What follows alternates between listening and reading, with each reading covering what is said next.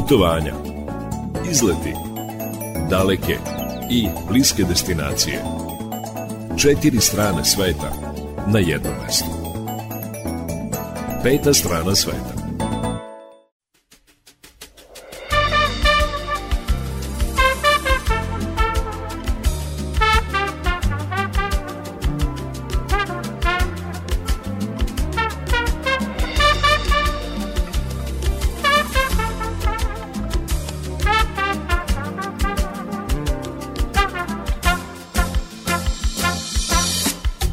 Dan, dobrodošli u najnovije izdanje turističkog magazina Peta strana sveta.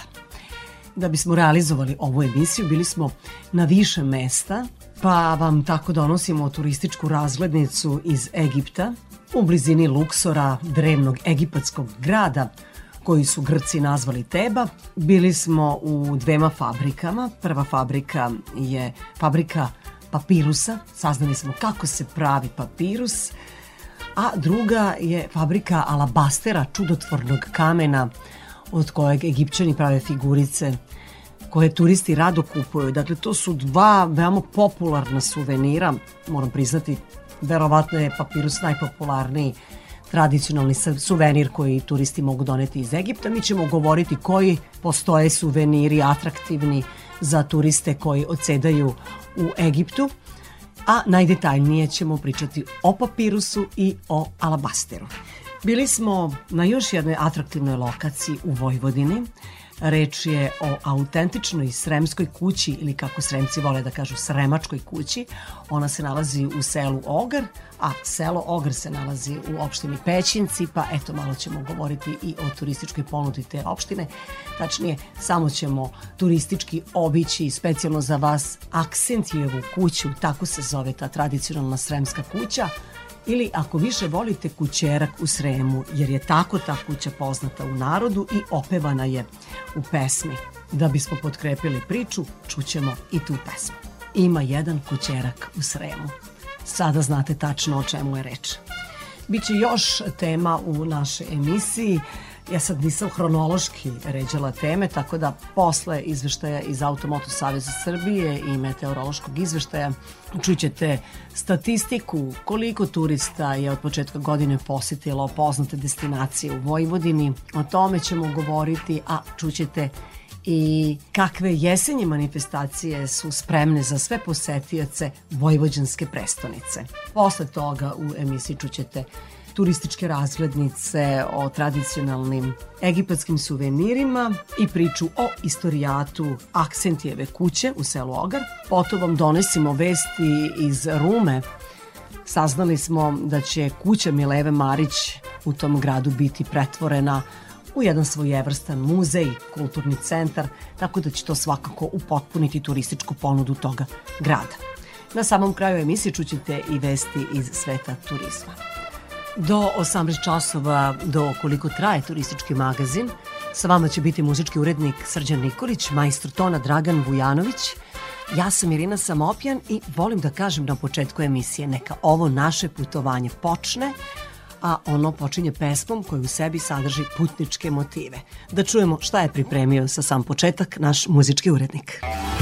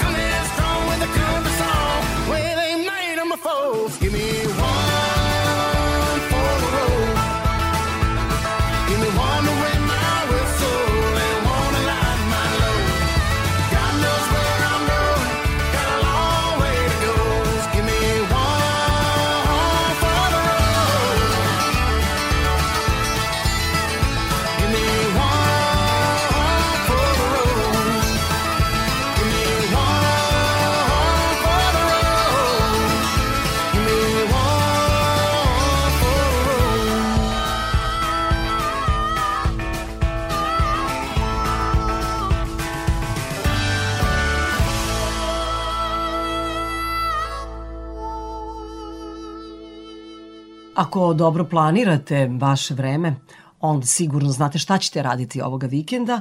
Oni koji planiraju da putuju, trebalo bi da znaju i kakvo je stanje na putevima. Stoga slušamo izveštaj iz Automoto Saveza Srbije. Izveštaj iz Automoto Saveza Srbije.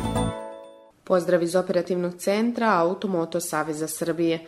Unutar gradova, van naseljenih mesta, ali i na putevima koji vode ka omiljenim vikend destinacijama naših građana, očekujemo veći broj vozila i pojačan saobraćaj.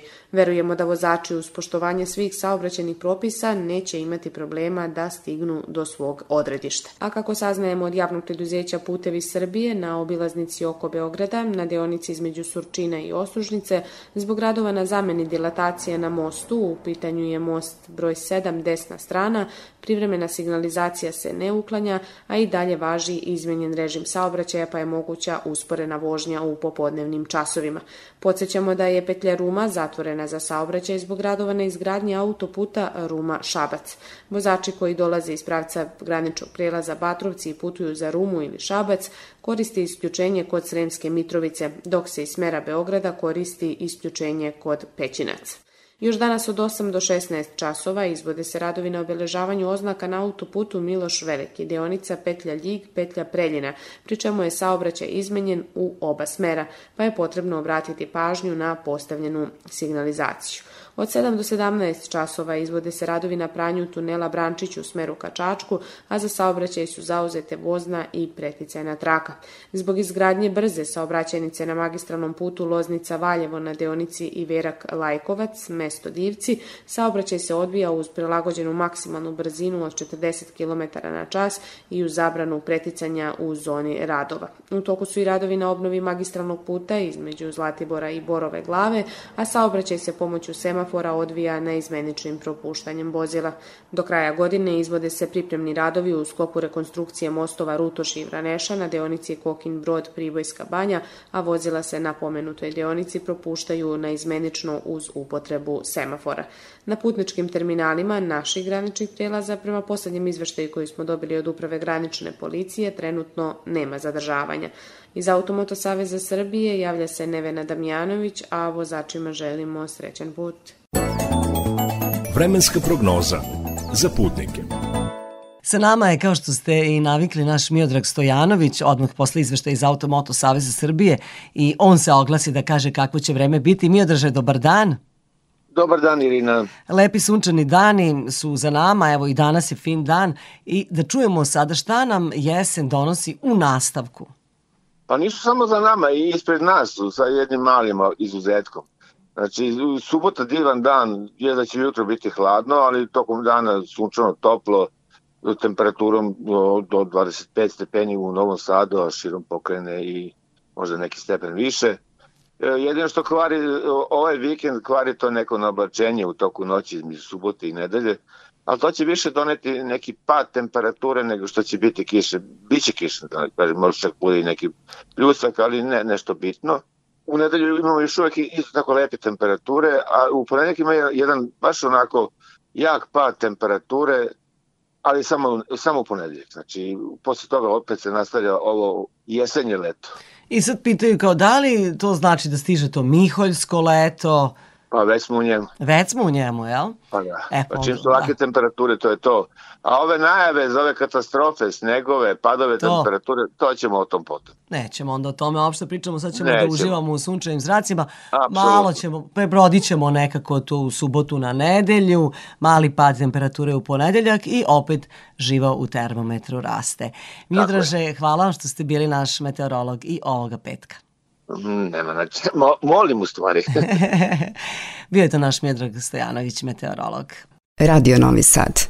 Budite uz nas, bavit ćemo se statistikom koliko turista je posetilo Vojvodinu u prvim mesecima ove godine, to ćete doznati i koje su to bile najpopularnije destinacije u našoj pokrajini.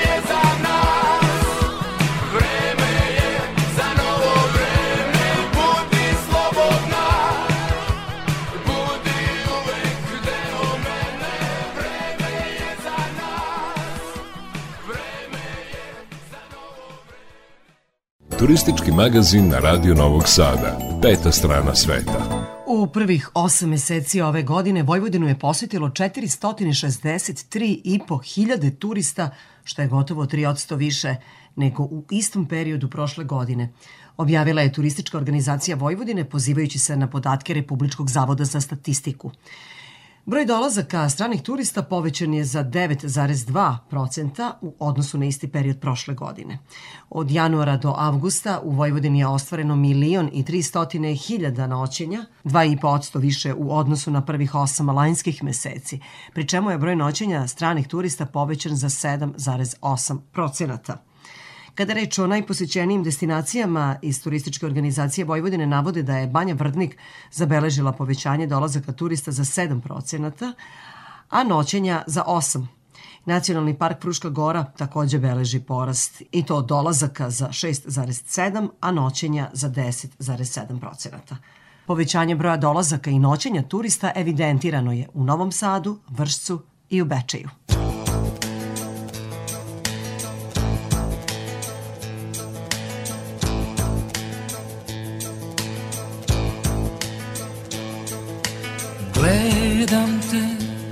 Nekim drugim očima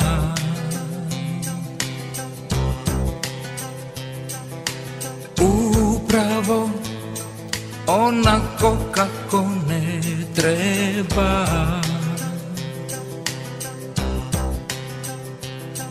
U tebi je Vojvodina zaspala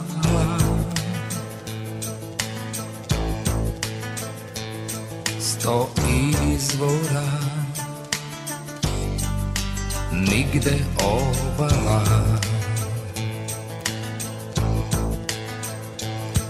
I ne shvatam šta mi se dešava.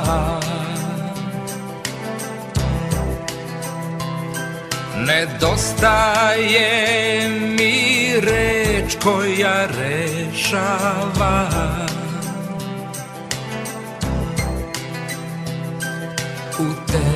tebi je neka tajna ostala.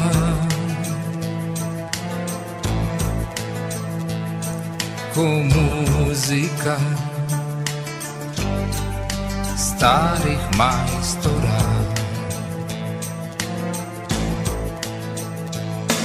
Dodirni me sasvim slučajno Poljubi. me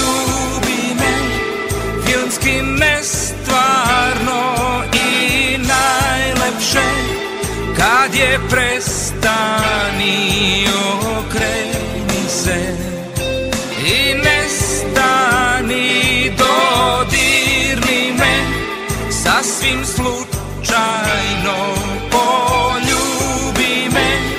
Filmski nestvarno i najlepše kad je prestani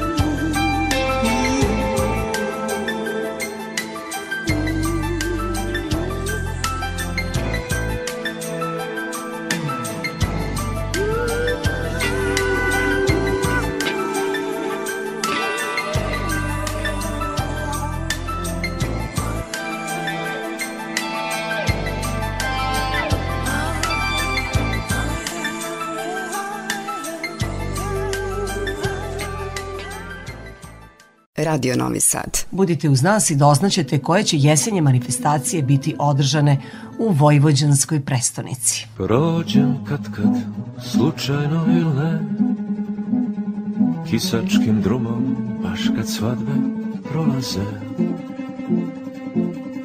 Do tog ćoška brojim korake A od tog ćoška dalje brojim oraze Obično s jeseni, kad je oblačno Odbegla senka mi se vrati konačno.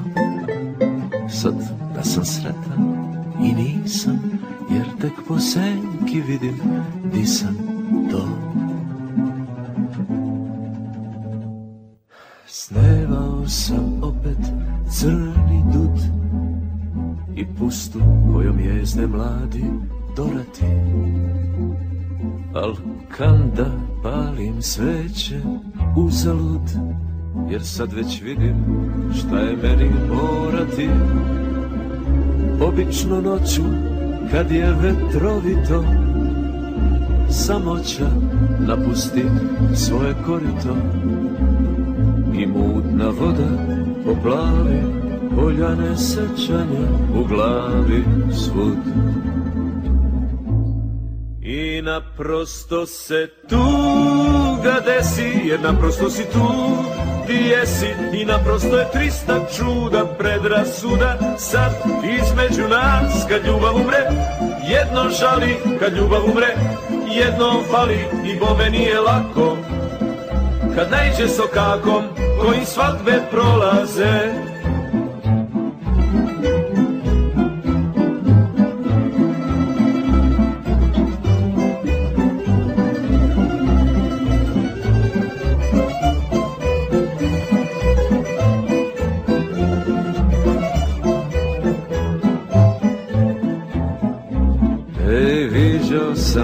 vraške žene ja, al džaba nikad više, više niko ne. Jer pirne samo april ščene ja, gledaš me, Bože prosti, ko sam i ko ne. Obično uvek i sličnim danima, prošlost se navali kao planina, na tom ću vrhu da sazrem, jer samo s njega negde nazrem nas. I naprosto se tuga desi, jer naprosto si tu, ti jesi i naprosto je trista čuda, predrasuda sad između nas kad ljubav umre, jednom žali kad ljubav umre, jednom fali i bome nije lako, kad najđe sokakom kojim svadbe prolaze.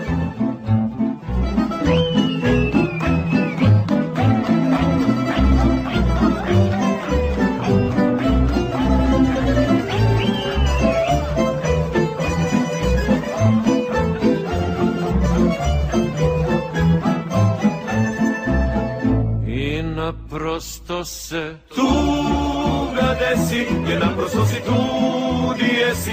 I naprosto je trista čuda, predrasuda. Sad između nas, kad ljubav umre Jedno žali, kad ljubav umre Jednom fali. I bome nije lako Kad najđe sokakom, kojim svadbe prolaze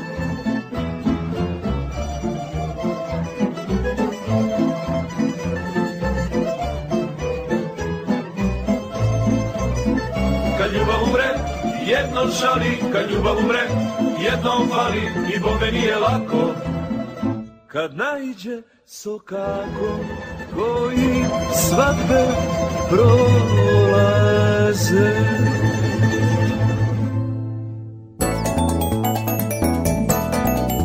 Povedi me. Novi Sad e, bio je prestonica kulture, to svi znamo i to je bilo veoma zapaženo. Počela je jedna manifestacija kaleidoskop kulture. Dakle, to je manifestacija koja prati te događaje koji su se zbivali u Novom Sadu za vreme prestonice kulture. Moja sagovornica je Maja Guzjan, ona radi u turističkoj organizaciji Novog Sada i Maja će nam reći kakvih će biti manifestacija do kraja godine, šta je pripremljeno u gradu. Ipak Novi Sad treba da opravda svoje ime. Dakle, šta je novo u Novom Sadu, Majo? Kada su u pitanju događaji u oktobru, pored Kalidoskopa kulture koji je a, otvoren a, na više lokacija u gradu do 15. oktobra, od 13. do 17. oktobra a, Novi Sad će biti centar mode s obzirom na to da se tada u Novom Sadu održava Srbija Fashion Week. A nakon toga od 18. do 26. oktobra imamo Međunarodni festival klasične muzike Nomus, a 21. oktobra za ljubitelje sporta jesenji planinarski maraton na Fruškoj gori. Kada su u pitanju e, događaji u novembru, 1. i 2. novembra je sajem ekologije, od 15. do 18. novembra Novosadski jazz festival, a od 30. novembra do 2. decembra Međunarodni sajem turizma. E, to znamo, to je, na primjer, veoma bitno slušalcima ovog turističkog magazina, jer se mi bavimo turističkim temama isključivo i izveštavat ćemo kao i svake godine. A kad je reč o prvom zimskom mesecu, decembru, šta je Novi Sad pripremio za posetioce, kako će ih animirati? A žela bih da napomenem da je Novi Sad izgubio sezonalnost koja je postojala u prethodnim godinama, što znači da mi svakog meseca imamo kontinuitet u rastu broja turista koji dolaze u Novi Sad. Izuzetak nisu ni ti zimski meseci i kraj godine kada zapravo kreće ta predpraznična euforija i kada su ulice grada pune kako novosađana koji vole da obiđu naš grad, da prošetaju, tako i turista koji dolaze iz svih delova regiona i sveta.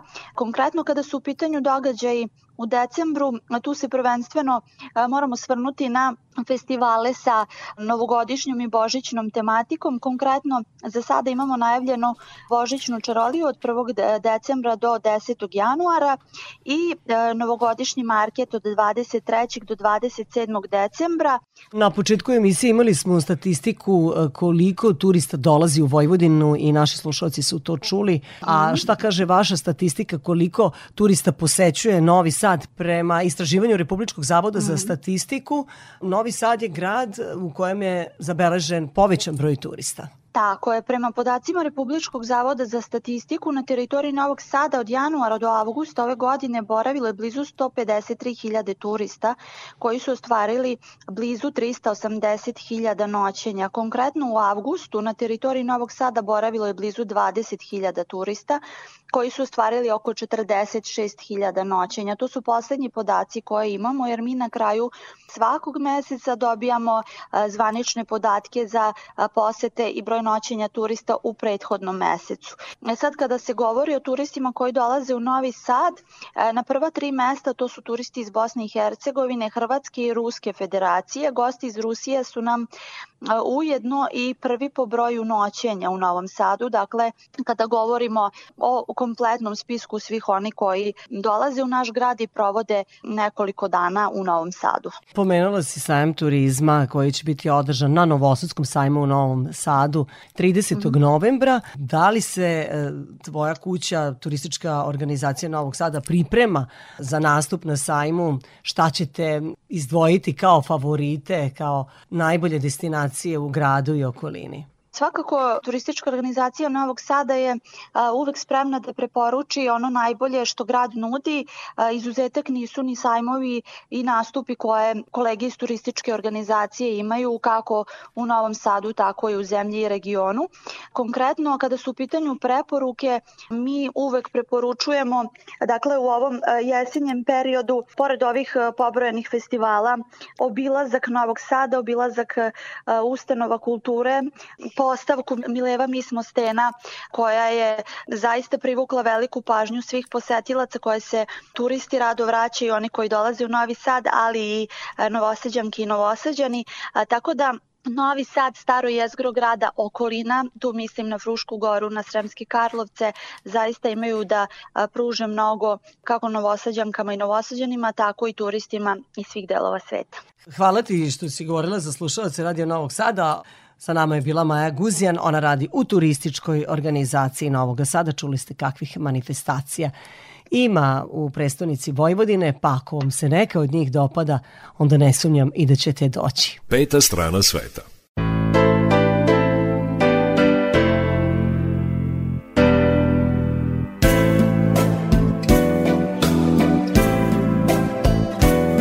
Kud su pošli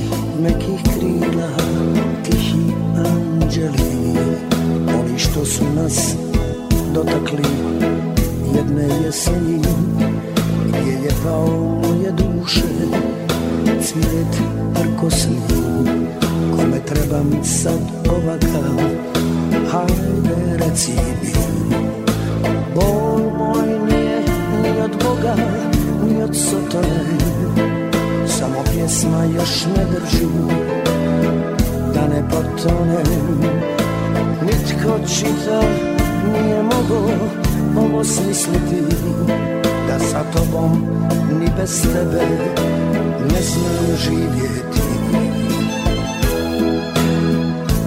Oh.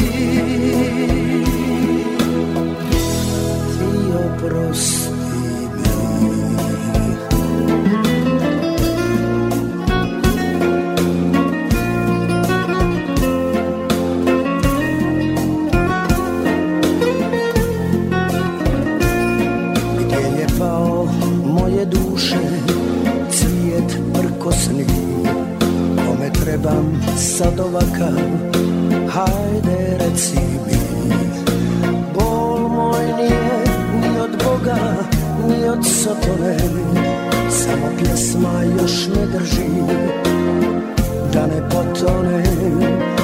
Nitko čita nije mogo ovo smisliti da sa tobom ni bez tebe ne znam živjeti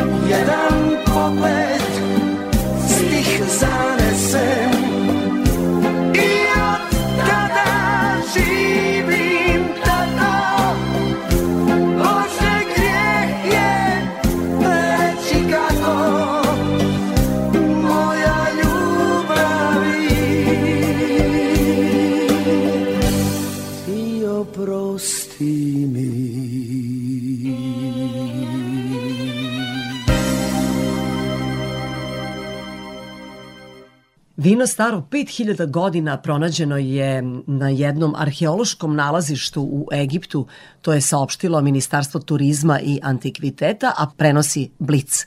Arheolozi su pronašli nekoliko stotina zatvorenih teglica u kojima se nalazi vino u novom arheološkom otkriću egipatsko-nemačko-austrijske arheološke misije koja radi na grobnici kraljice Merneit iz prve dinastije u Južnom Egiptu, odnosno oko 2950. godine pre nove ere na lokaciji Um El Kab. Generalni sekretar Vrhovnog saveta za antikvitete Mustafa Vaziri rekao je da su otkrivene tegle velike i da su u dobrom stanju, kao i da su ostaci vina pronađeni u njima stari oko 5000 godina. S druge strane, doktor Dieter Schrao, direktor Nemačkog instituta u Kairu, rekao je da su arheološke istraživanja otkrila neke nove istorijske podatke o kraljičinom životu i o njenoj vladavini. Istraživanja sprovedena na groblju pokazala su da je grobnica kraljice Marneit sagrađena od sirove cigle, gline i drvenih dasaka i da je kraljica možda jedina žena iz prve porodice kojoj je do sada otkrivena kraljevska grobnica u Abidosu. Pored njenog groba otkriveno je još 40 grobova u kojima počiva njena pratnja, njene sluge, što ukazuje da su te grobnice građene u različitim vremenskim fazama. Ovo je bila najnovija vest iz Egipta, najnovija otkriće, a mi nećemo o grobnicama, o vinu, govorit ćemo uskoro o papirusu i o alabasteru, kao i o drugim tradicionalnim suvenirima iz Egipta.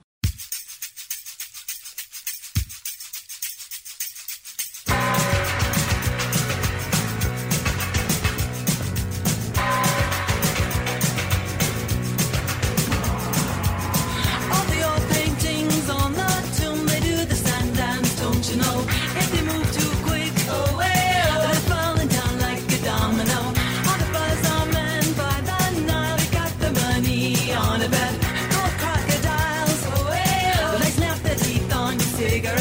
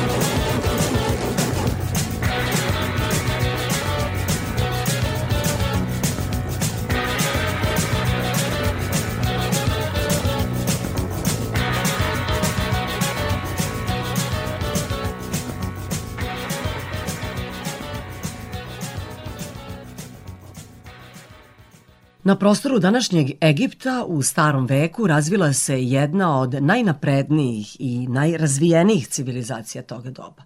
O bogatoj istoriji te zemlje svedoče brojni istorijski spomenici, koji su sačuvani zahvaljujući suvoj klimi u toj zemlji. Egipatski papirusi dali su važne istorijske podatke o načinu života u drevnom Egiptu. Zna se da njegova istorija počinje ujedinjenjem Gornjeg i Donjeg Egipta oko 3200 godina pre nove ere. Drevnim Egiptom vladalo je 30 dinastija. Na čelu države bili su faraoni koji su nasleđivali vlast od svojih muških predaka. U vreme vladavine treće dinastije počela izgradnja istorijskih spomenika i mumifikacija. U toku vladavine četvrte dinastije građene su prve piramide. Najpoznatije piramide nalaze se u Gizi, Keopsova, Kefrenova i Mikerinova. Keopsova je najveća i svrstana je u sedam svetskih čuda. Počela je da se gradi 2680. godine pre nove ere. Visoka je 147 metara. Pored te tri najpoznatije piramide u Gizi, nalazi se još šest piramida. Na prostoru čitavog Egipta nalazi se 109 piramida. O piramidama ćemo u nekoj drugoj emisiji, a sada ćemo o papirusu. Čuli ste koliko je on bio značajan za saznanja naučnika o istoriji i životu u nekadašnjem drevnom Egiptu, a kako se on pravi, to smo saznali za vas u jednoj od fabrika u blizini Luksora. Good morning. Now I will teach you how to make the papyrus plant making. The first we can Sada ću vam demonstrirati kako se izrađuje papirus. Najpre isecamo male delove s velikog lista papirusa. Ovako. The like here. And green part not important. Why? Very strong. Tako dobijamo unutrašnje delove i zelene delove. Kao što vidite, najpre uzimamo zelene delove. Small slice and we can cutting small one and a big size. And after that, outside the water, On je veoma čvrst. Drevni Egipćani su ga često koristili. Od velike važnosti i ovaj unutrašnji deo. Njega ćemo narezati na sitnije komade. And after that, all slide in the water for six days. Just for six days. Why six days? And have white paper and brown paper. White paper just for six days in water Sve ćemo potopiti u vodu. 12 days Tako će and 12 svi delovi postati savitljivi i izdržljiviji. U vodi će ostati šest dana. Zašto baš šest dana? Imamo beli i smeđi papir. Beli papir ostavljamo da u vodi stoji šest dana. Smeđi papir ostaje znatno duže, ponekad i duže od 12 dana. Zatim uzimamo dva lista i stavljamo ih jedan preko drugog. Tako će ostati još šest dana. Posle tih šest dana dobijamo originalni drevni papir. paper and we can make a roulette transport Ako dobro zagledate pod osvetljenjem, moći ćete da uočite vertikalne linije. Po tome se prepoznaje pravi prirodni papirus. Ukoliko ih nema, to nije pravi papirus. Sad na njemu možemo koristiti vodene boje, uljane boje, gvaš.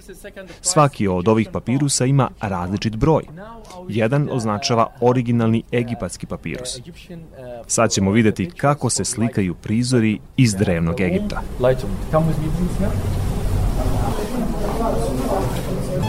Today you have one Danas svi dobijate specijalan popust. Papirus možete kupiti u pola cene. Sve što vas zanima možete da pitate moje prijatelje i mene. Možete plaćati u valutama kojima raspolažete. Hvala vam na pažnji. Imate dovoljno vremena da razmislite.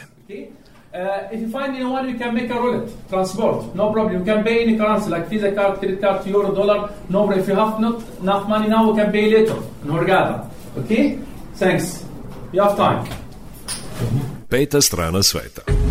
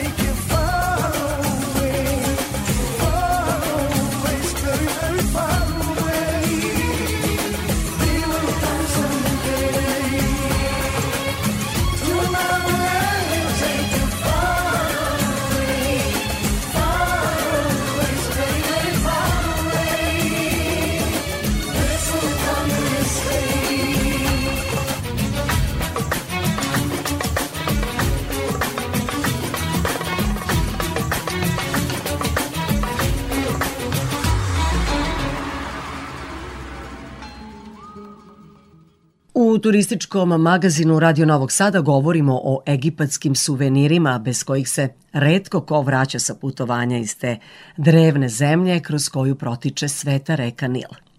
Na papirusu ćete videti naslikana božanstva iz egipatske mitologije i to je jedan od razloga zbog kojih turisti obavezno kupe i nekoliko primeraka papirusa. Važni su i drugi suveniri, poput nakita pravljenog od čilibara, zatim začina svih vrsta koji se prodaju gotovo na svakom bazaru i u prodavnicama. Posetioci mogu da kupe neodoljivi šafran, kari, cimet, anis i brojne druge začine. Esencijalna ulja i parfemi su takođe zaštitni znak Egipćana. Egipatska civilizacija je bila jedna od prvih koja je koristila parfeme. Egipatska odeća je odraz njihove kulture. Posetioci mogu kupiti tradicionalni kostim za trbušni ples, kao i marame koje se nose oko struka ili preko glave. Takođe, veoma su upečatljive, lepe i praktične galabije, dugačke haljine koje nose i žene i muškarci. Poznati su i egipatski tepisi. Oni baš nisu zgodni za transport, ali su poznati u celom svetu i ima ih svega tri vrste. Najbolja vrsta se zove mamluk, koji je zapravo najtradicionalniji tepih. Ti tepisi su poznati po raznim geometrijskim oblicima i sa karakterističnim su jarkim bojama. Kvalitet tepiha zavisi od radionice u kojoj je izrađen, kao i od broja čvorova od kojih je tepih satkan. Najčešće se prave od kamilje dlake. Ima još zanimljivih suvenira u Egiptu. Jedan takav suvenir je šiša, odnosno aromatizovani duvan koji je začinjen tropskim ukusima i prirodnim esencijama. Veoma je popularan među turistima. Posetioci mogu da izaberu različite ukuse, a šiša se može probati u brojnim hotelima i barovima. Nargilu možete kupiti na bazaru. Vredi pomenuti i suvenire od kamilje kosti, kao što su, na primjer, kutije za nakit. I za kraj i veoma važan suvenir koji turisti kupuju u Egiptu je alabaster, odnosno čudotvorni kamen. Najčešće se koristi za izradu figura i to pretežno budu figure bogova iz njihove mitologije, dok se kao nakit pravi u vidu kuglica. Takođe, kuglice alabastera upotrebljavaju se i za masažu. Alabaster u starom Egiptu imao je važnu ulogu i koristio se za izradu skulptura, svetiljki, posuda. Drevni Egipćani verovali su da alabaster ima magična svojstva. Poslušajte u nastavku kako su nas u blizini Luksora dočekali na samom ulazu u jednu od fabrika i radionica za izradu figura i drugih suvenira od alabastera. Alabaster. Color. For example, first color. White. Second color. Brown. Third color. Green. Thank you. Bring it from the mountain by donkey, by camel, pink blocks. I start to make a shape, make a vase. Bowl. Bowl. Ashtray. Ashtray. Thank you. Thank you. I love you. After this second, make a hole. Yalla.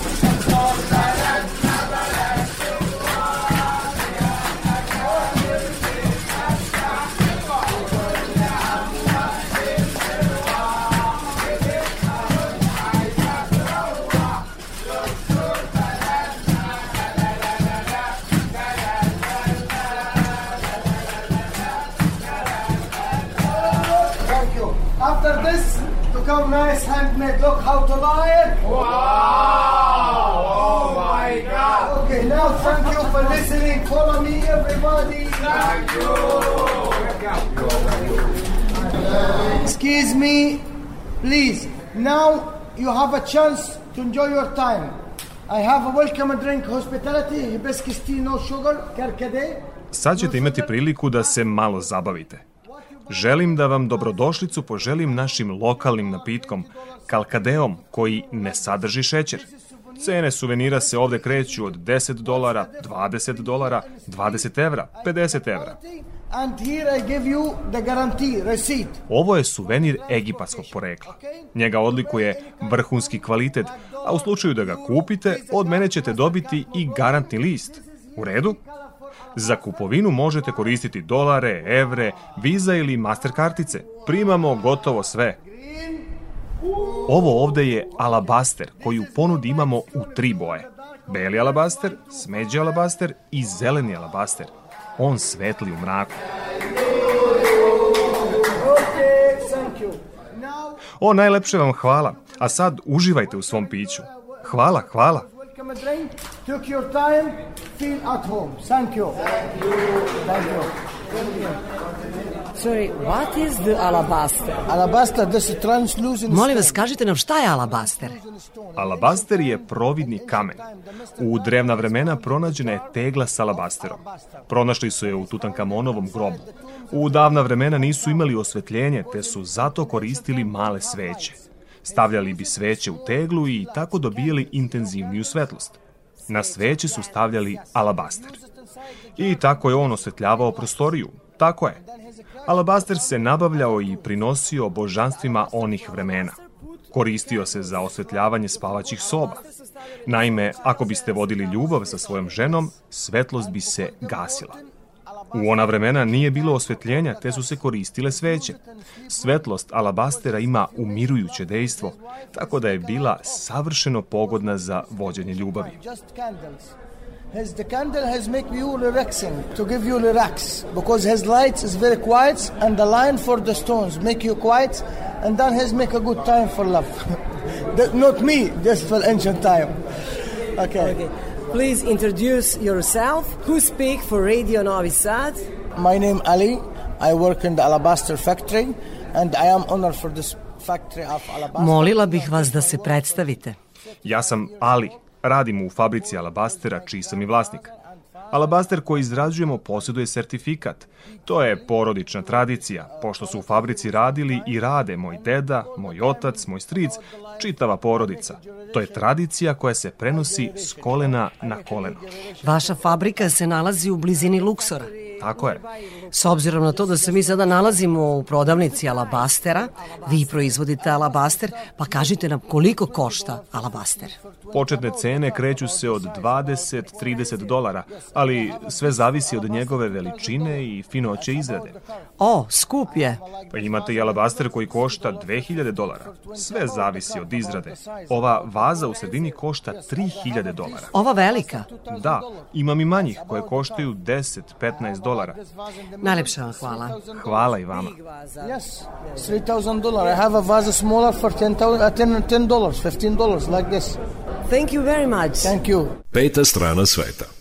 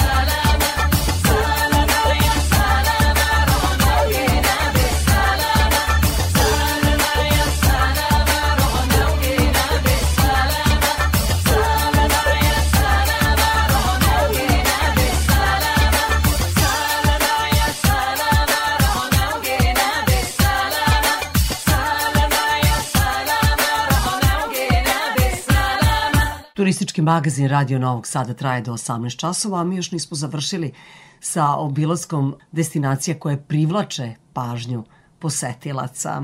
Pa smo tako posetili jednu bitnu kuću u Vojvodini, autentičnu kuću u Sremu, Aksentijovu kuću. Uskoro ćemo o tome.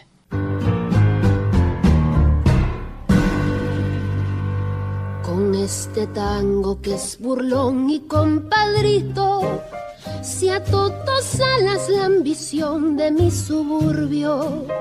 Con este tango nació el tango y como un grito salió del sórdido barrial buscando el cielo. Conjuro extraño de un amor hecho cadencia que abrió camino sin más ley que su esperanza. Mezcla de rabia, de dolor, de fe, de ausencia, llorando en la inocencia de un ritmo juguetón. Por tu milagro de notas agoreras nacieron sin pensarlo las paicas y las grelas.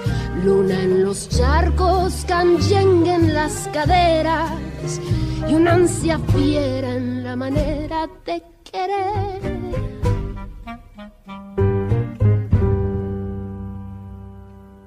I touch your lips and all at once the sparks go flying. Those devil lips that know so well the art of lying. And though I see the danger still, the flame grows higher. I know I must surrender to your kiss of fire. Just like a torch, you set the soul within me burning. I must go on, I'm on this road of no returning. And though it burns me and it turns me into ashes, my whole world crashes without your kiss of fire.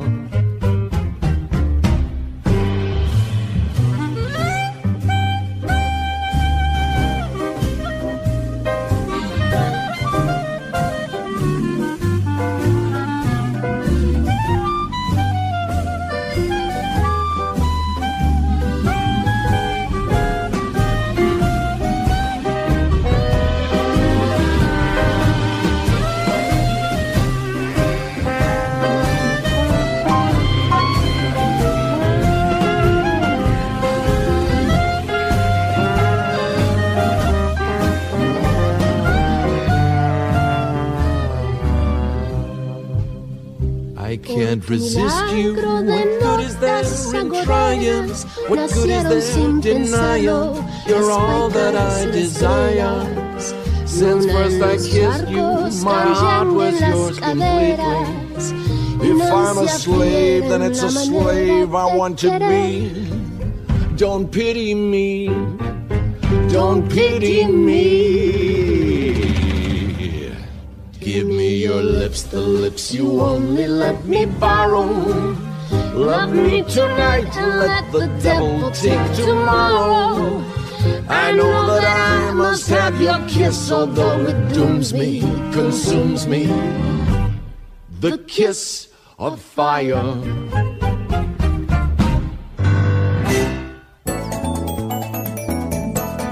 Destinacije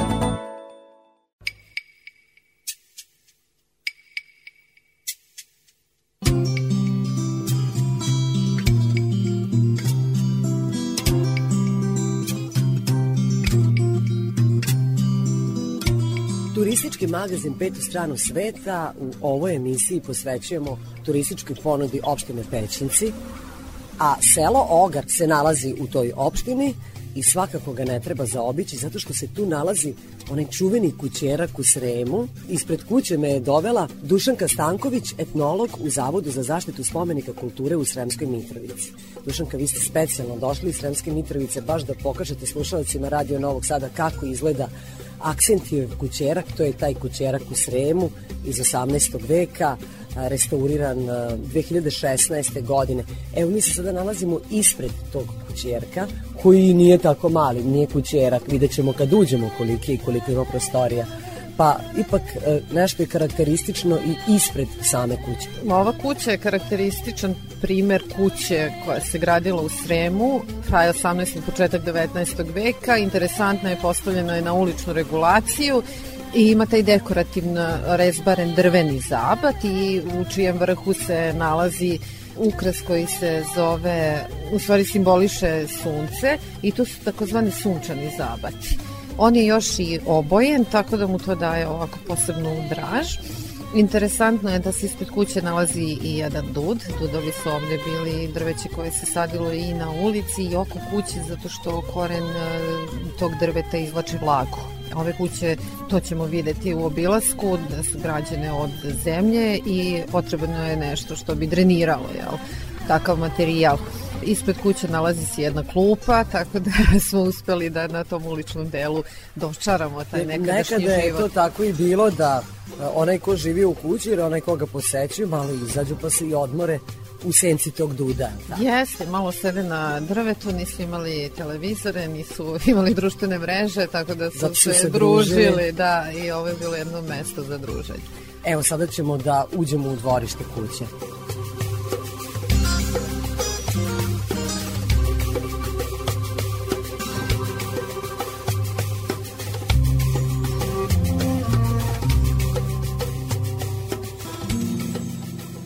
Samo dvorište je veoma prostrano. Da li je to pripadalo sve akcenti? On je poslednji vlasnik ove kuće. Da, ova kuća je bila aktivno domaćinstvo do 80. godina i u njoj se živelo. Živeo je njen poslednji vlasnik, Aksent je Stojšić. Ovde se nalazilo još nekih objekata koji su imali ekonomski značaj, međutim oni nisu, nažalost, sačuvani. Sačuvan je samo stambeni objekat, odnosno ova kuća. Turistička organizacija koja upravlja ovim prostorom je nazvala Aksentijev kućerak, ne bi li na taj način imenom približila i ovaj, svojim posetiocima i uopšte napravila neki, da kažem, turistički brend. Zbog toga u dvorištu postoje i ljuljaške i sve ono što deca vole, ali tako? Da. Postoje i klupe da stariji mogu da posede i da uživaju dok se deca igraju. Peta strana sveta.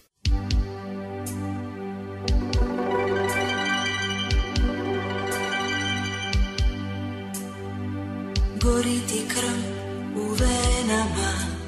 Zvijezde ti padaju na dlan. Ja sam samo dio vremena Kojeg se više ne sjećaš. Pamti miris mojih haljina Nek ti ne pobjegne iz sna. Srce mi steže hladna košava Više se nikad ne vraćam. Jer sada znam kako izgleda Kad su bočnici siti mojih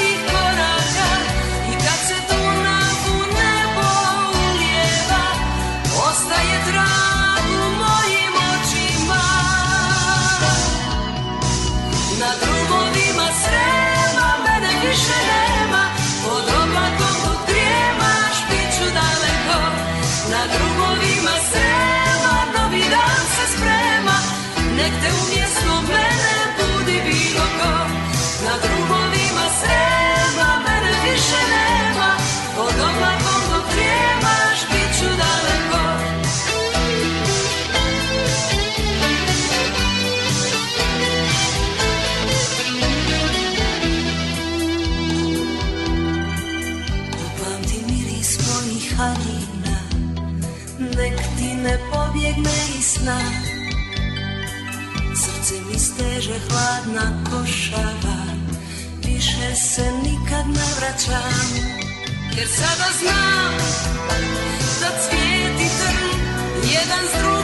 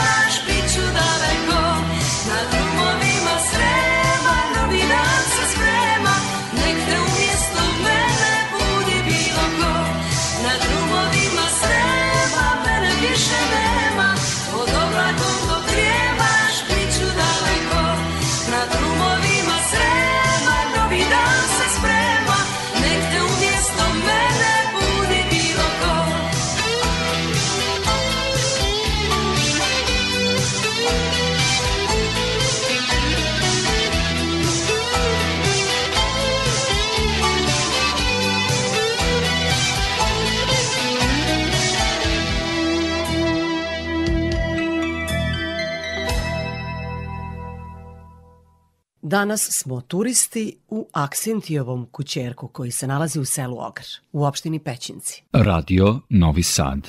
Hajde mi da uđemo da vidimo koja je glavna prostorija bila. Da. Evo sada sad sa trema stupamo u, u ovu glavnu prostoriju gde se mnogo toga u tom 18. veku odvijalo. Tako. Da, o, ova je kuća pripada tom panonskom tipu kuće, to su trodelne prizemne kuće sa središnjim delom koji je u stvari kuhinja. Tako i ovom nevelikom prostoru koji je karakterističan po otvorenom dimnjaku, znači gde se ovde na ovom prostoru se mi nalazimo ispred nas nalazilo se o- ognjište zapravo ložilo se na ovom podu od zemlje. Mi, mi smo zapravo na sredini sada ove glavne ispod- prostorije. ispod dimnjaka. A iznad nas je dimnjak, otvoreni dimnjak i evo ja vidim kako kulja dim, jer ste vi specijalno za našu ekipu i naložili peć. Da. Ovde se, osim otvorenog ognjišta, koje je bilo ispod samog dimnjaka, sa ovim verigama na kojima se nalazi kota u kome se pripremala hrana, nalazi još jedan, jedna peć, to je u stvari zidani šporet, to je nastao u nekom kasnijem periodu i on takođe ima samo delimično ozidan dimnjak, a ovaj dim dalje ide, pošto taj, kako ovde kažu, cug, jel dobro muče, kad je dobro ozidan dimnjak, onda taj dim izlazi, tako da ovde nije bilo zadimljeno nikada.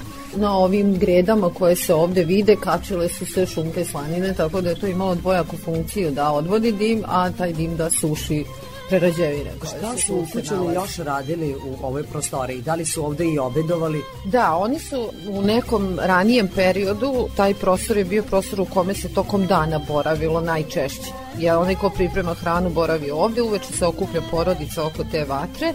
Oni su jako puno posla imali, nisu sedeli sve vreme u kući, znači da, ovde je ovde su zimi domaćica... sušili vešan. Da, e, osim toga u ovoj prostoriji u koju ćemo sada uđemo, koja se nalazi e, do dvorišta, tu se nalazila zidana peć koja se ložila iz onog prostora i ovde se odvijao Dakle, taj neki kuhinje, drugi ajde tako da je nazovemo. Da, iz kuhinje. Iz te kuhinje ložila se zizana peć koja je grejala ovu drugu svečaniju sobu. Da, ona je bila prostor e, današnje dnevnog boravka jel, u kome se boravilo i na toj zidanoj peći odnosno na banku koji se nalazio oko sušile su se te stvari jel, i služilo je zimi za grejanje celog ovog prostora.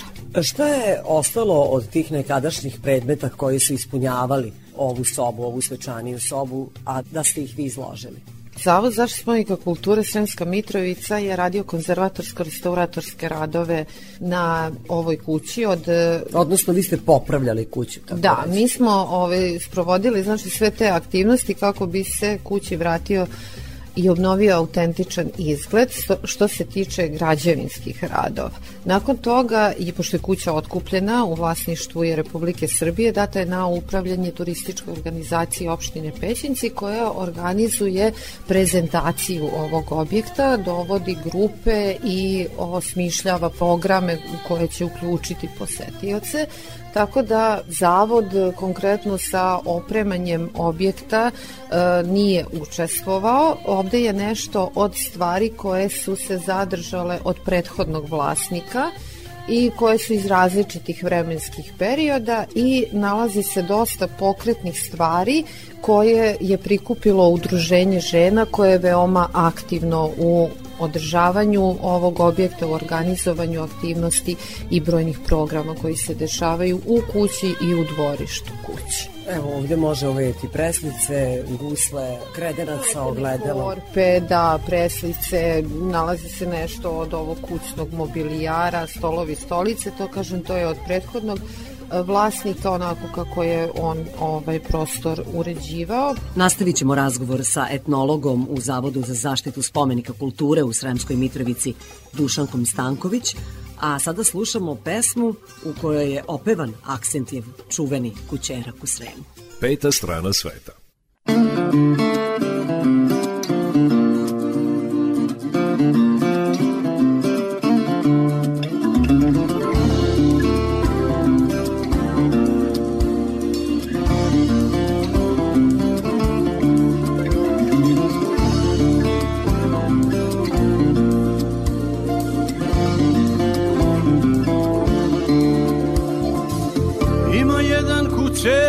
Sremu Zidan je od blata i sinata s pogledom na jablanovo granje i salonom za plakanje.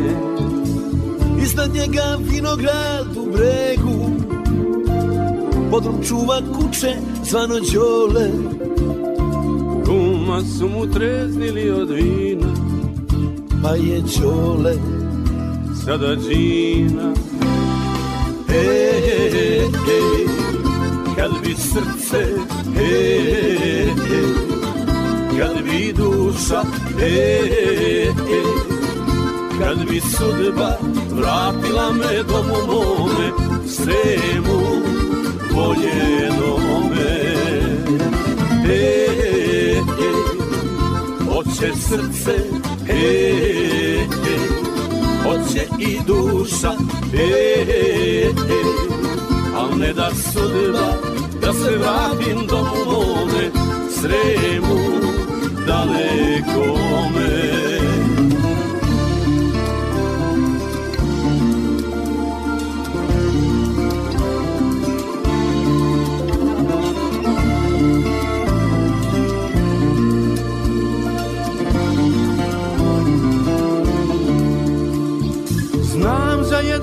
kućerak u Sremu. Mladost moja stanuje u njemu. Zaspala je sputanih ramena. U piđami od vremena. Tamo gde se u društvu boema Bilo s nogu pešalo od žena. Pevalo se najlepše na svetu Pokraj lampe na buretu.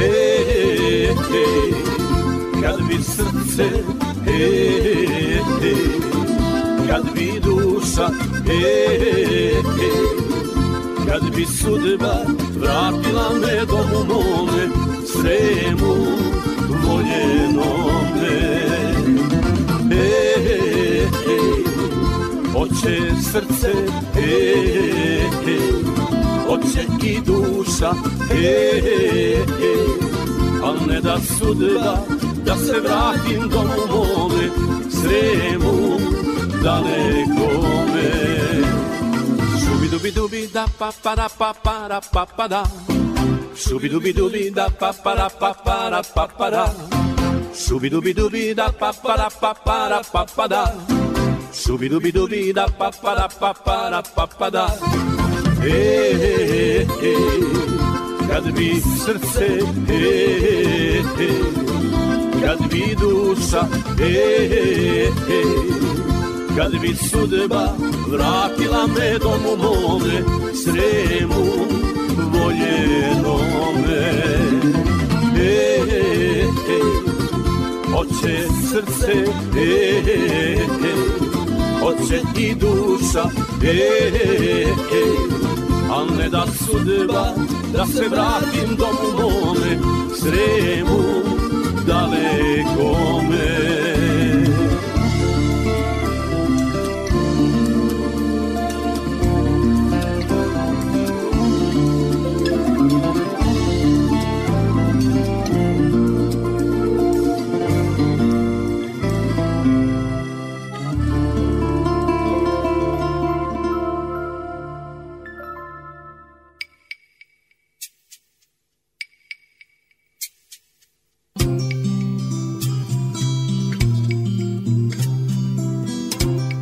nastavku etnolog Dušanka Stanković vodi nas kroz sobe Aksentijevog kućerka, kućerka iz 18. veka u Sremu, u selu Ogar, u opštini Pećinci.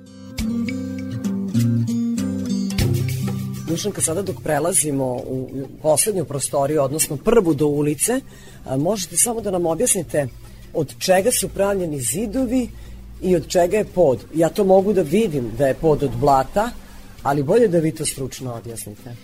Ova kuća je specifična i po tome što je građena od prirodnih materijala, znači od drveta, zidovi su od e, pletera, to je pleteno pruće koje je pričvršćivano za drvene grede, a popunjavano je zemljom, odnosno smesom blata i pleve i svi zidovi malterisani su blatnim malterima koji se posebno priprema i tokom obnove smo se trudili da obnovimo tu tehniku pravljenja blatnog maltera koja se ovde zaboravlja. E, Drvene grede su dosta ovako upečatljive na ovom delu tavanice i o, interesantno je da su prozori jako mali i da su ove zatvoreni šalokatrama koje se nalaze sa spoljašnje strane.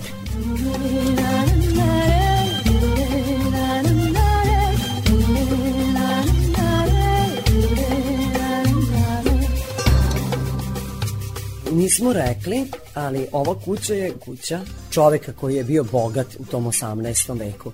A sada smo došli u tu treću sobu, sobu do ulice, pa kakva je ovo soba? Meni je ona najluksuznija. Ona i treba da bude najluksuznija i to je ono što je karakteristično za ove krajeve, da je ta prednja soba ili kako su je zvali u nekim krajevima Srema ekstrajnica, znači taj Da naziv to ekstra, znači, da je nešto... Da li to znači da je to soba u koju se redko ulazilo? Jeste, da. U, u toj sobi se obavljale najvažnije manifestacije vezane za porodicu. Znači, to su one prostorije u kojima se slavilo, a nažalost u kojima su se ispraćali pokojnici. Tako da su se tu odvijali onako gde, kako etnolozi vole da kažu, jedan ciklus životni i ovde su se slavile slave, tako da je ona morala da bude najluksuznije opremljena koliko je to porodica mogla. Ja se zahvaljujem na razgovoru u Dušanki Stanković, etnologu u Zavodu za zaštitu spomenika kulture u Sremskoj Mitrovici, koja je specijalno došla ovde u Ogar da nam pokaže veličanstvenu kuću iz 18. veka Aksentijevku Ćerak, koja je svedočanstvo jednog vremena. Radio Novi Sad.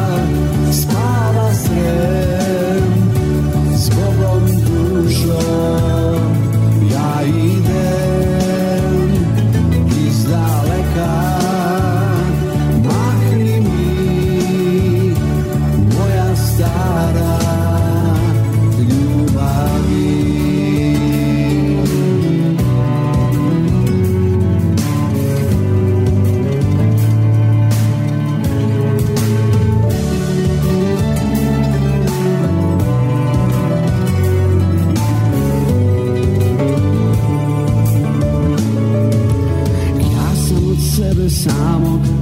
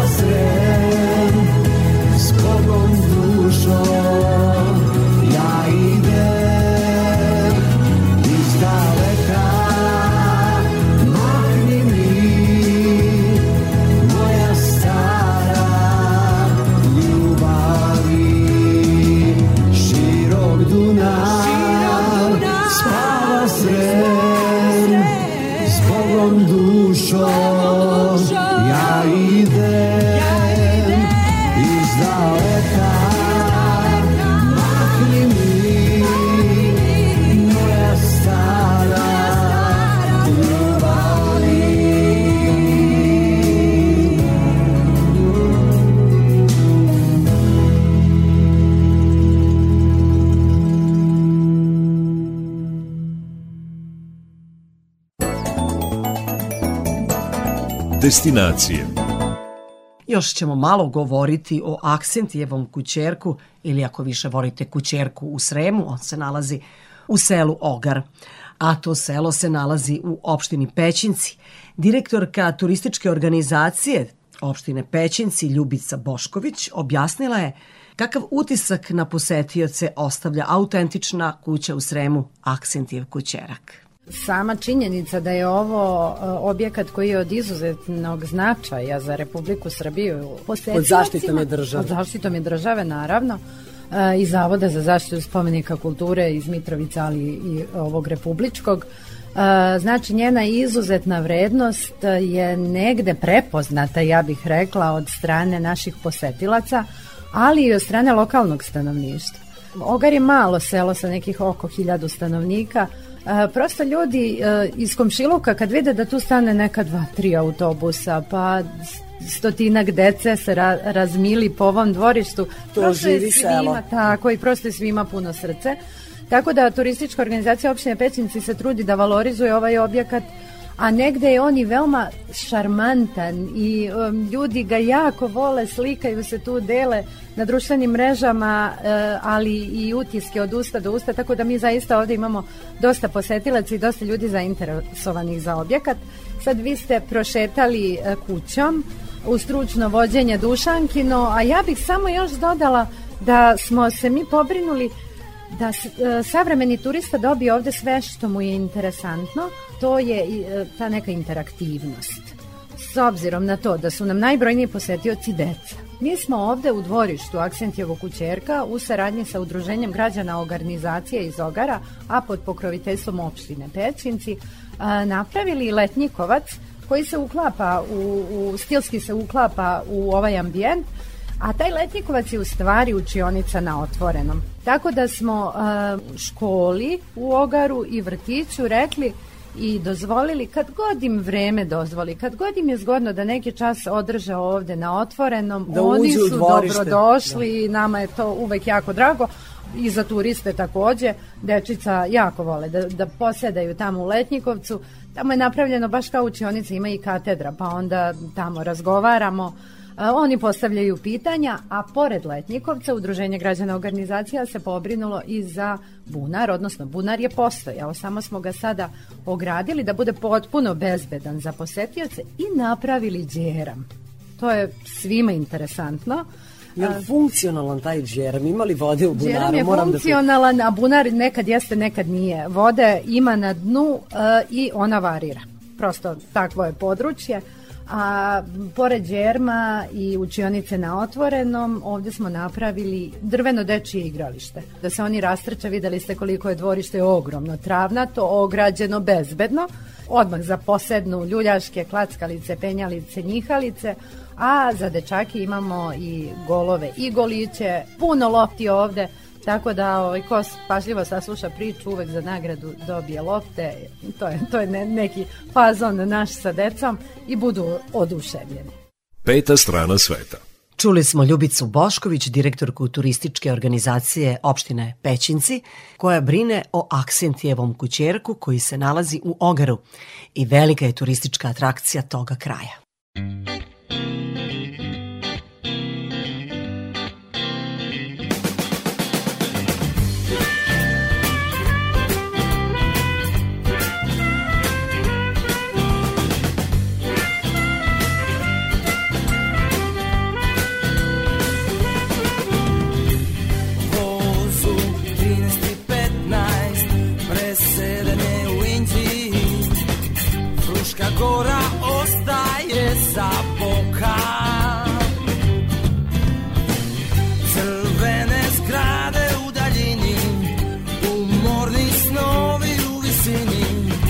Kišan dan za srećan put. Muzika me pozvala na jug Lokve su se ređale uz put. Smeđa kapija na kraju puta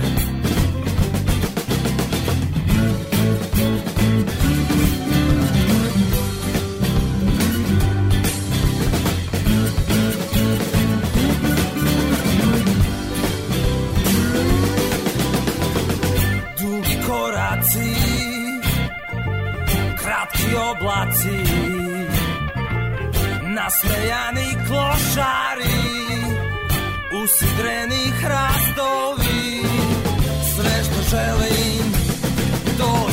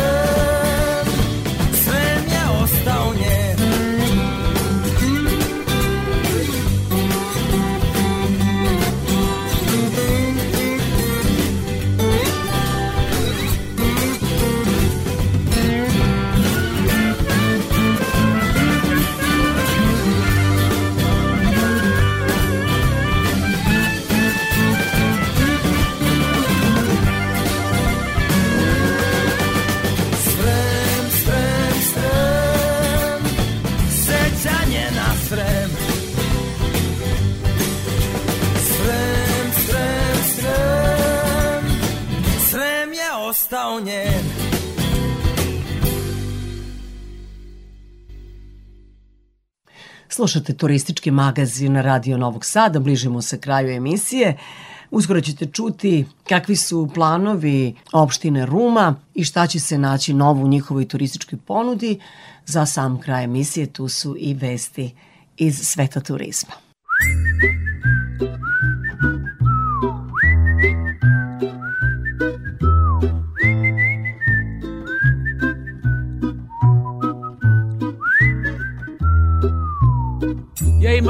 Opasan plan Da svoje nebo ti dam. Kompletno s pticama I sa ravnicama. Podvuću crtu pod sve Al ću ti vratiti sne. Pa makar ostao bos Napravit ću taj štos. Ukrašću srce od cigana da raskrstim sa brigama Da živim samo ovaj čas I ljubav između nas. Ukrašću srce od cigana Da raskrstim sa brigama Da živim samo ovaj čas I ljubav između nas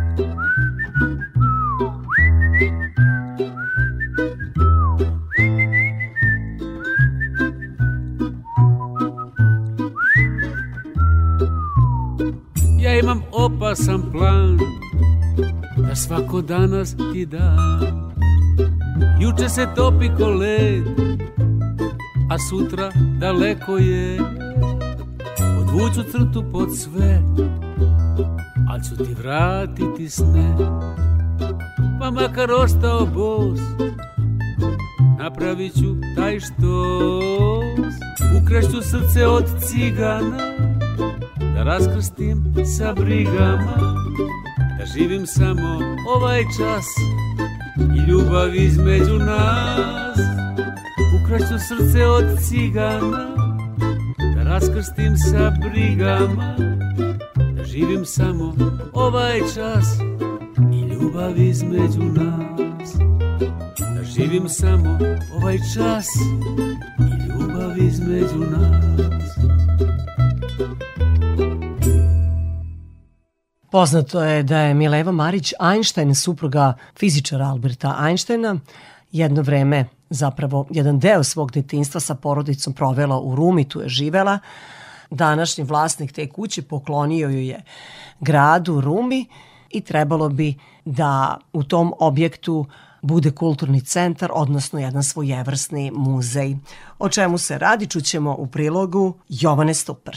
Rumljani su dobro upoznati da im je jedna od slavnih sugrađanki pored Atanasija Stojkovića, Žarka Miladinovića, bila i Mileva Marić, što s ponosom ističu. Pa Jeste, znamo za, to, za taj podatak. Drago nam je da je vlasnik e, kuće ustupio opštini Ruma kuću na renoviranje, da se napravi jedan lep muzej. Dobro je da se to zabeleži, mislim, istorijski. kuća. Nisam u to vreme bio tu. Znam da je živjela tu. Kuća propada, nažalost. Mileva Marić je u Rumu stigla kao izuzetno mala devojčica sa svega dve godine i to zahvaljujući činjenici da je njen otac kao oficir baš u Rumu dobio nameštenje u sudu. Tu je završila osnovnu školu i odatle se vinula u svet nauke, svedoče istorijski podaci. Rekla je Snežana Janković, istoričar kustos Zavičajnog muzeja u Rumi. Mileva kao veoma mala devojčica interesovala se već rano za računanje za slova, naučila je da računa i piše još pre da kažem školskih dana i u školu je krenula u srpsku osnovnu školu sa šest godina kod učitelja Gavre Putnika. U školi postoji letopis, odnosno spomenica gde se navode tačno 1881. kad je krenula u školu pa do 1885. kad je završila četvrti razred. U tada Željezničkoj ulici na mestu gde se i danas nalazi kuća porodica Marić živela je 14 godina. Ovaj objekat je od velikog značaja, a njegovom rekonstrukcijom i adaptacijom proširila bi se i turistička ponuda Rume. Potvrdila je Marija Ćujić, direktorka turističke organizacije opštine Ruma. Jedan velik projekat i veoma bitan. Mi smo veoma zahvalni što, što će to biti još, jedan, još jedna meta i, i, i cilj turističkog obilaska, nešto što se inače nudi i što se potencira, e, zato što mi imamo veliko interesovanje već za porodicu Marić, koja je deo svog života provela u Rumi, E, Milevu, njenog brata Miloša, takođe veoma značajnog naučnika. Šetajući kroz Rumu, dosta stvari podsjeća na Milevu Marić. Pored kuće u kojoj je stanovala na jednoj od fasada na zgradi u centru Rume postavljen je sunčani sat koji asocira na njen naučni rad, a park kod Rumske gimnazije nosi njeno ime. Peta strana sveta.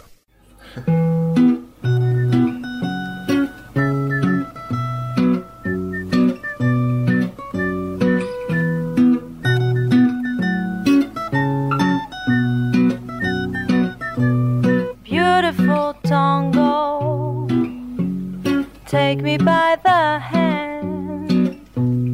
Beautiful tango, until you make me dance. How sweet it can be if you make me dance. How long will it last, baby, if we dance? Come to the, the world, come to the, come to the world. And baby, let me show you things. Cause time is running and we can lose. Baby, come and dance, we gonna make it through. Cause we've got time. Yes, we've got time. Beautiful stranger. Don't wanna know your name. Beautiful stranger. Just wanna take your hand. How sweet it can be if you make me dance. How long will it last, baby, if we dance? The place where the skin speaks. The secret words in Spanish, where the night turns out the light of day. For us to show some courage. So don't go if you wanna know, don't go if you don't know, don't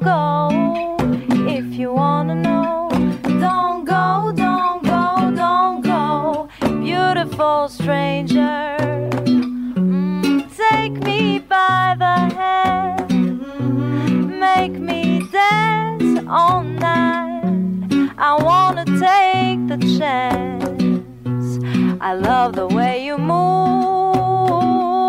and the way you put your hands on my hips. I'm moving while you take it slow. Makes me feel like I'm on a river flow. Cause we've got time. And yes, we've got time. Beautiful stranger, I wanna lose myself in the depth of your arms.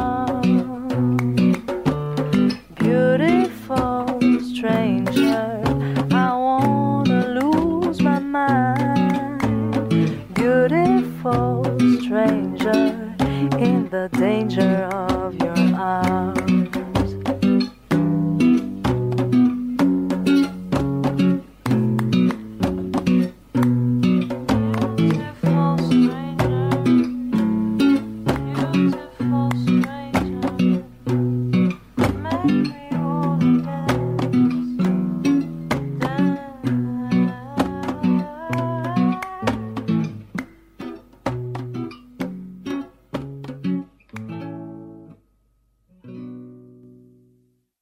Turistički magazin na Radio Novog Sada. Peta strana sveta. Evo i vesti iz sveta turizma.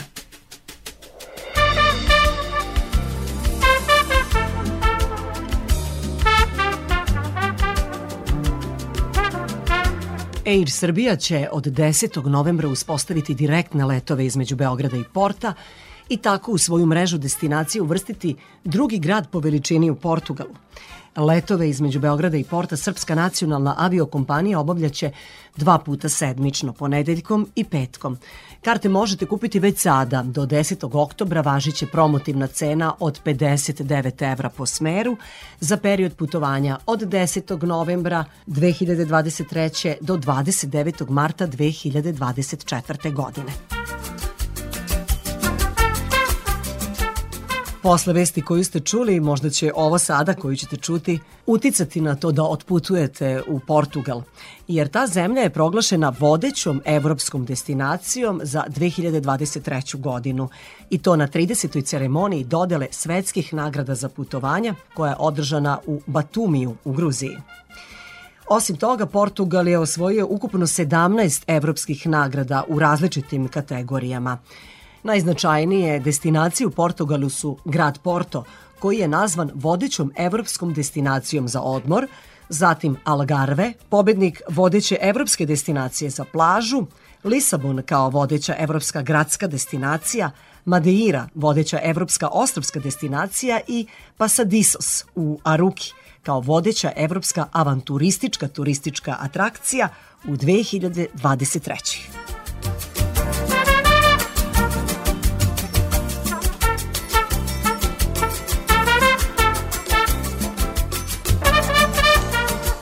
Objavljena je lista najtraženijih atrakcija na svetu, o tome piše B92.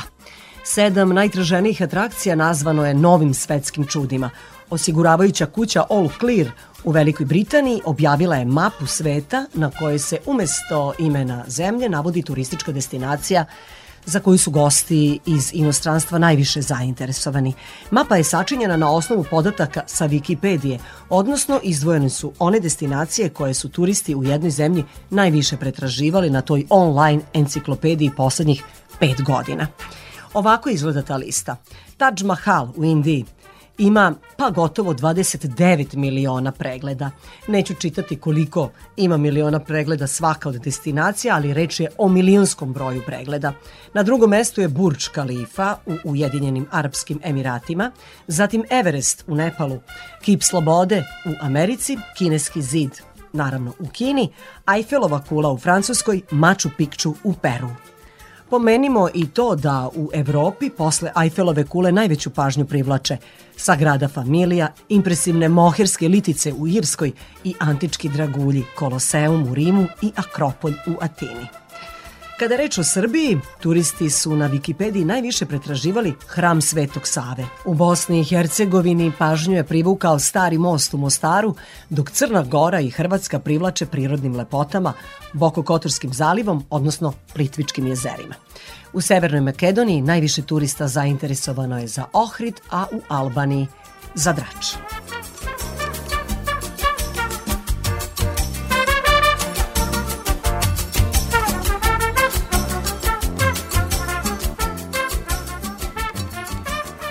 Jedna vest sa sajta Turistički magazin.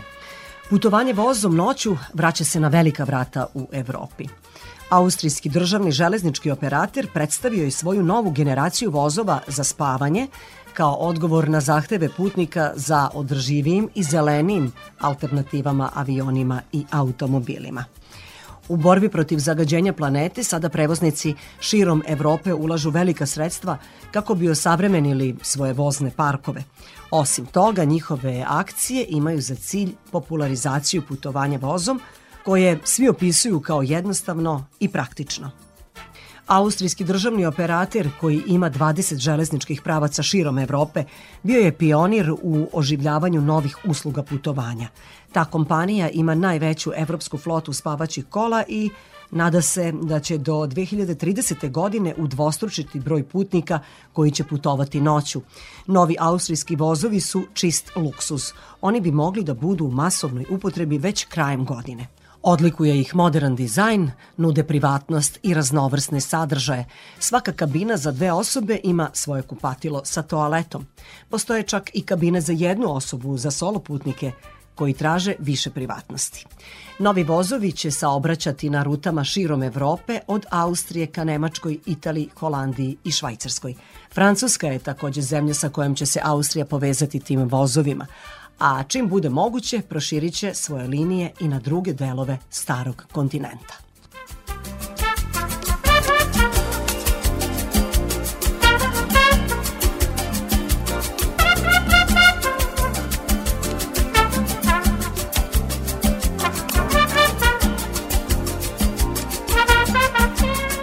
Bilo je to sve poštovani slušalci što smo vam pripremili u ovom izdanju turističkog magazina Peta strana sveta.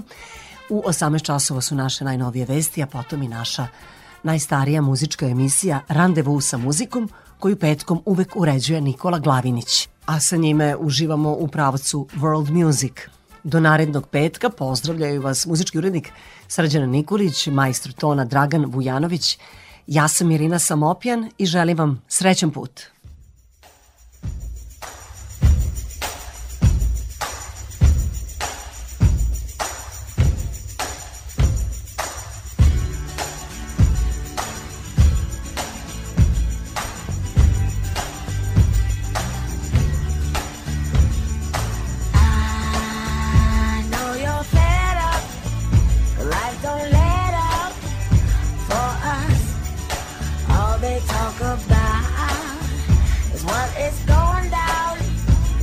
the last stop.